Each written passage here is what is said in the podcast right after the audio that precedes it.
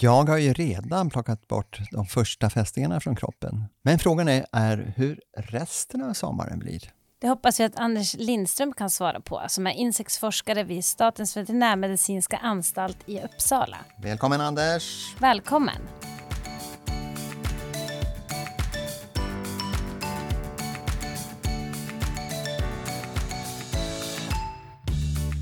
Alla har väl någon gång råkat ut för fästingar som fäster sig på de minst önskvärda platserna på kroppen, i knäveck och andra platser. Vad tror du Anders? Kan vi räkna med mycket fästingar i år? Ska vi vara på sin vakt?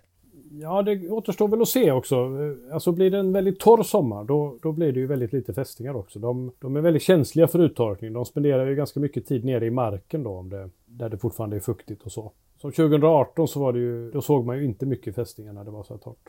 Det låter lite grann som en parallell till myggorna ju.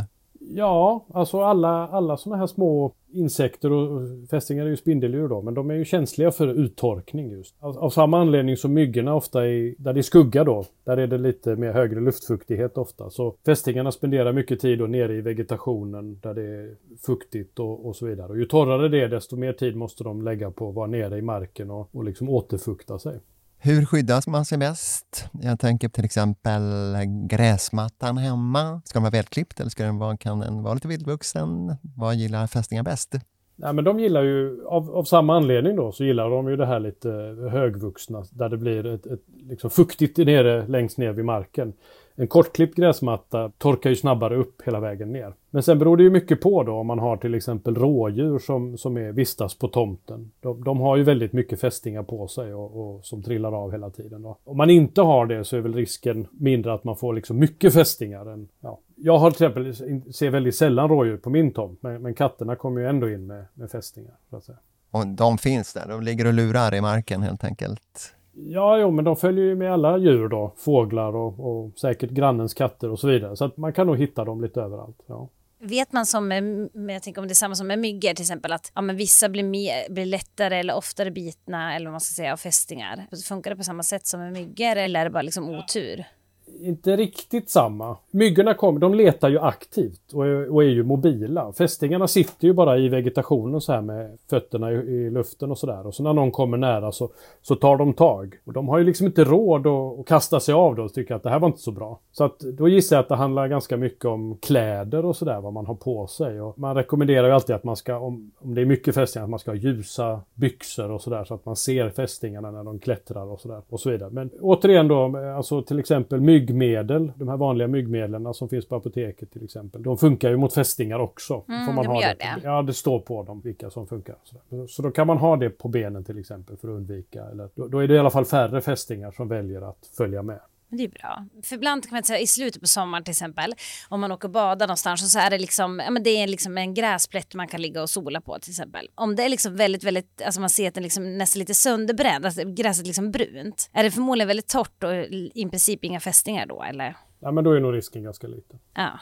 Och sen är det den här klassiska frågan då, när man har fått ett fästingbett och den fästingen sitter där lite retfullt och man får liksom inte ut den. Står man i valet och kvalet här, ska man ta en pincett och eh, snurra ut den eller ska man dra ut den? Man ska försöka ta tag så nära huden som möjligt och så dra rakt ut. Håller man på och snurrar sådär då det är lätt att man vrider av huvudet istället och, och, så blir mundelarna kvar då. Det är inte hela världen sådär men det sägs att det då kan ge ökad risk för sekundärinfektioner. Alltså man får in skräp i såret och så får man en infektion efter det då. Man ska inte ta med, med fingrarna så här för det är lätt att man klämmer till om fästingen då så trycker man in så att säga det den har i magen om den nu har smittämnen då att man trycker in det på något sätt i såret. Och, och... Ja men det är ju en viktig information. Och det finns ju sådana här fästingbortplockare, olika små, ser ut som små kofötter fötter eller små öglor och sånt där som man kan använda för att ta bort fästingar med. Men man ska ta liksom med huvudet då helst? Så nära huden som möjligt och så dra rakt ut. Mm. Men mm. okej, okay, ja, jag förstår. Jag vet inte om det här är en myt eller om det är så, men jag har hört att man ska liksom inte bara spola ner dem för att de fortsätter leva i avloppet utan man ska bränna upp dem och sen spola ner dem. Stämmer det? Nah, ja, jag vet inte. Jag har svårt att tro att det spelar någon roll. Jag tror inte att de lever i någon vidare utsträckning i avloppen. Nej. nej. Fästingar frammanar ju mycket av det här. eh, Alla sådana här trådar på Facebook om fästingar ut, eh, handlar ju alltid om hur man ska döda dem på olika sätt och så vidare. TBE då? Om det nu finns, skulle det finnas TBE i den här fästingen, skulle det kunna vara en poäng att bränna dem då för att bli av med själva smittämnet?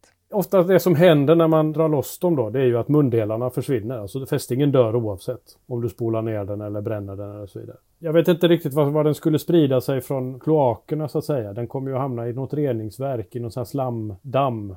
Så den kommer, inte, den kommer liksom förintas i vilket fall som helst? Ja, för jag har bara hört att de liksom lever vidare och tar sig ut igen. Alltså typ sådär. Alltså att det liksom är som att de... Kanske en de modern ja, men lite så här som kackerlackor överlever allt. Liksom. Ja, jo. Jag, jag tror inte att det är så. Jag, jag har i alla fall aldrig läst några studier på att det kommer upp mycket fästingar ur kloakerna. Men det största hotet när det gäller fästingar, det är väl ändå TBE.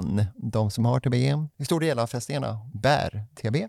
Det kan ju variera oerhört. Jag menar, om vi tittar på, på Sverige så har vi ju kanske ett par hundra fall av TBE varje år då, humanfall. Men lokalt så kan ju då kanske någon procent av fästingarna ha TBE ändå. Medan de största delarna av Sverige inte, inga fästingar har det. Så att det är väldigt svårt att ge något slags medelvärde på hur mycket TBE de bär. Kan man se någonting att det skiljer liksom att ja, men det är mer TB-smittade fästingar i södra Sverige än i norra? Alltså kan man se någon sån? Ja, men så är det ju. Alltså fästingar överlag är ju vanligare i, i södra Sverige. Men, men sen så de här ställena där det finns TB, det är ju väldigt lokalt. Och man vet ofta inte exakt vad det beror på då. Men, men så Roslagen är ju ett, ett typiskt sånt område. Nu finns det några ställen nere i Skåne då. Nere vid Sandhammaren i Skåne till exempel. Kan man få TB. Tidigare så sa man att det inte skulle finnas i Norrland, egentligen norr om Dalälven. Stämmer det fortfarande?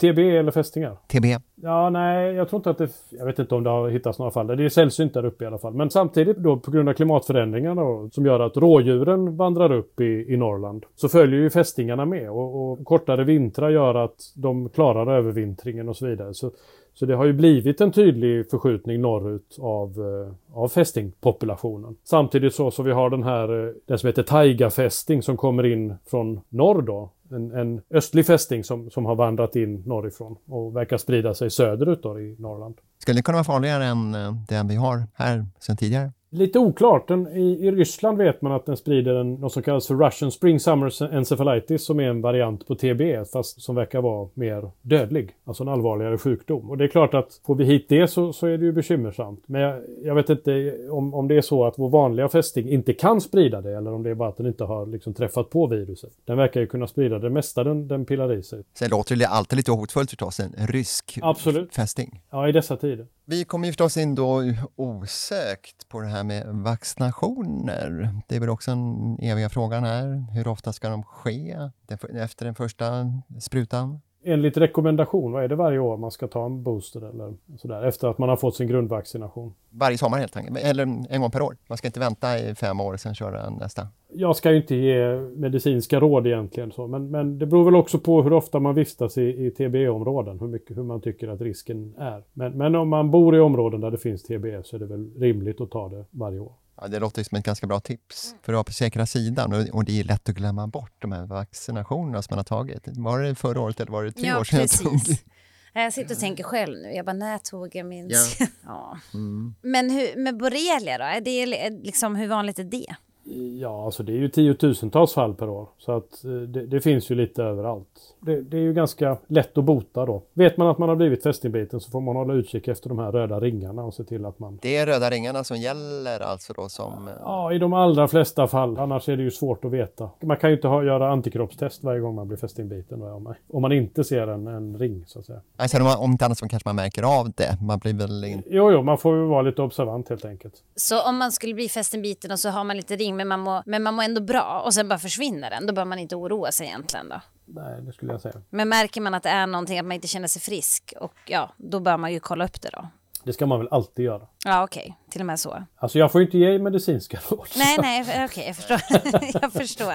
Men det är väl ett rimligt, rimligt råd ändå. Om man inte mår bra och är orolig så kontakta en läkare eller vårdcentral. Ja, det är mycket bättre än att chansa. Eh, när jag var inne på borrelia, det kommer någon nyhet här ganska nyligen. Man kunde vaccinera sig mot det. Kan det stämma eller? Ja, det har väl pratats i omgångar om att man eventuellt skulle hitta på. Problemet är väl att borrelia är ju inte bara en, en bakterie utan det är flera. Men eh, det finns väl ingenting på marknaden nu som man kan vaccinera. Alltså inget vaccin ännu. Men det skulle kunna komma kanske framöver? Säkert. Och rent allmänt då när det gäller forskningen kring fästingar överhuvudtaget och eh, TB och eh, sjukdomarna där runt omkring.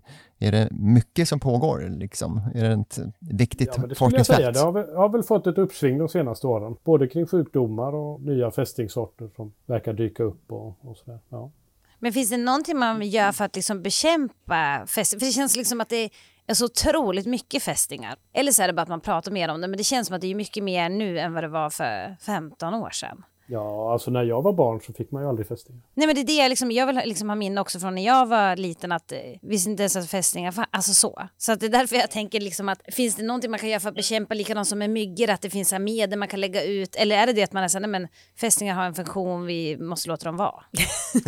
jag tänker nej, bort med dem. Om man tittar historiskt då. Förr hade man ju skogsbete, man har massa djur ute i skogen och sådär. Samtidigt då så, så jagade man ju väldigt hårt så att de svenska rådjuren var ju liksom en handfull på ett gods i Skåne. Det var alla rådjur som fanns i Sverige. Carl von Linné såg förmodligen aldrig en vild älg under alla sina resor i, i, Sverige. För att älgarna, så fort man såg en älg så sköt man den. Sen tog man då bort skogsbetet, för det var inte lönsamt. Man skulle ha djuren i stall. Då blev det liksom tomt i skogarna på stora djur. Och sen nu då så har vi de här historiskt enorma klövviltspopulationerna med älg och rådjur och dovhjort och kronhjort och vildsvin och, och så. Det är alltså extremt mycket vilt i, i svenska skogar idag. Så, så det vi ser nu är ju på något vis en återgång återgång till hur det kanske var innan, när det fanns en massa djur i skogarna. Det var inte 70-talet, som säger, när jag var ung, som är det normalen, utan det här är det som är normalt om vi har de viltstammarna som vi har. Och vi ser det ju med lusflugorna också. De här hjortflugan som kommer i augusti och sådär. Det såg man ju aldrig för. Också då återigen med de här enorma viltpopulationerna så, så blir det ju så. Är det samma sak med älgflugan? Det är den som heter hjortfluga. Ah, okay, ja. okay. det är samma. Den är inte rolig att få på sig. Den liksom biter Nej, sig fast. Nej, men den bits ju ganska sällan. Den verkar ju bita framförallt kvinnor av någon anledning. Ofta i nacken. Jag har aldrig blivit biten av en, även om jag har fått många på mig. Men, men det verkar vara vissa personer som blir bitna, oftast kvinnor, ofta i nacken och som ofta får någon liten knuta eller bula efteråt, rapporterar de. Men det finns ingen statistik sådär, så det är svårt att uttala sig säkert. Så. Men, men det är den uppfattningen man får om man läser om det. Eh, det är mycket snack om den biologiska mångfalden ska ju öka. Vill vi bekämpa insekterna, fästingar, myggor då framför allt, så gör man lite avkall på det här med eh, artrikedomen. Det finns ju ingen bekämpning mot, mot eh, fästingar idag. Alltså det, det som skulle behövas då är att man skjuter bort. Ja, men till exempel där man ska hålla gräset kort Ja, ja, du menar så. Ja. Det är väl ingen som kan kräva att du ska odla fästingar i din trädgård? Ja, det hoppas jag. Det hoppas jag. Så har man rådjur på tomten så, så är det väl rimligt att man klipper gräsmattan, tänker jag. Även, även ur någon slags biologiskt mångfaldsperspektiv. Och det är ju inte så vi ska rädda mångfalden, så att säga, genom att klippa gräsmattorna. Det är ju att sluta skövla skogen och, och, och så vidare. Precis. Nej men hör du, Anders, vi får tacka dig så mycket för det här samtalet kring fästingar. Slutsatsen är väl att eh, det kanske viktigaste man kan göra själv, det är ju verkligen se till att man blir vaccinerad för att skyddas mot eh, Vaccinerad och det här klassiska, man rör sig, byxorna i strumporna, gärna ljusa kläder om man kan. Kolla sig efter att man har varit på skogspromenad eller ute i lite högre gräs och så vidare. Och sen så se till att man har eh, sina TB-sprutor i ordning. Det låter ju som att det skulle vara ett säkert sätt, eller åtminstone ja. att försöka undvika det, minimera riskerna. Tack ska du ha Anders! Tack! Tack själva!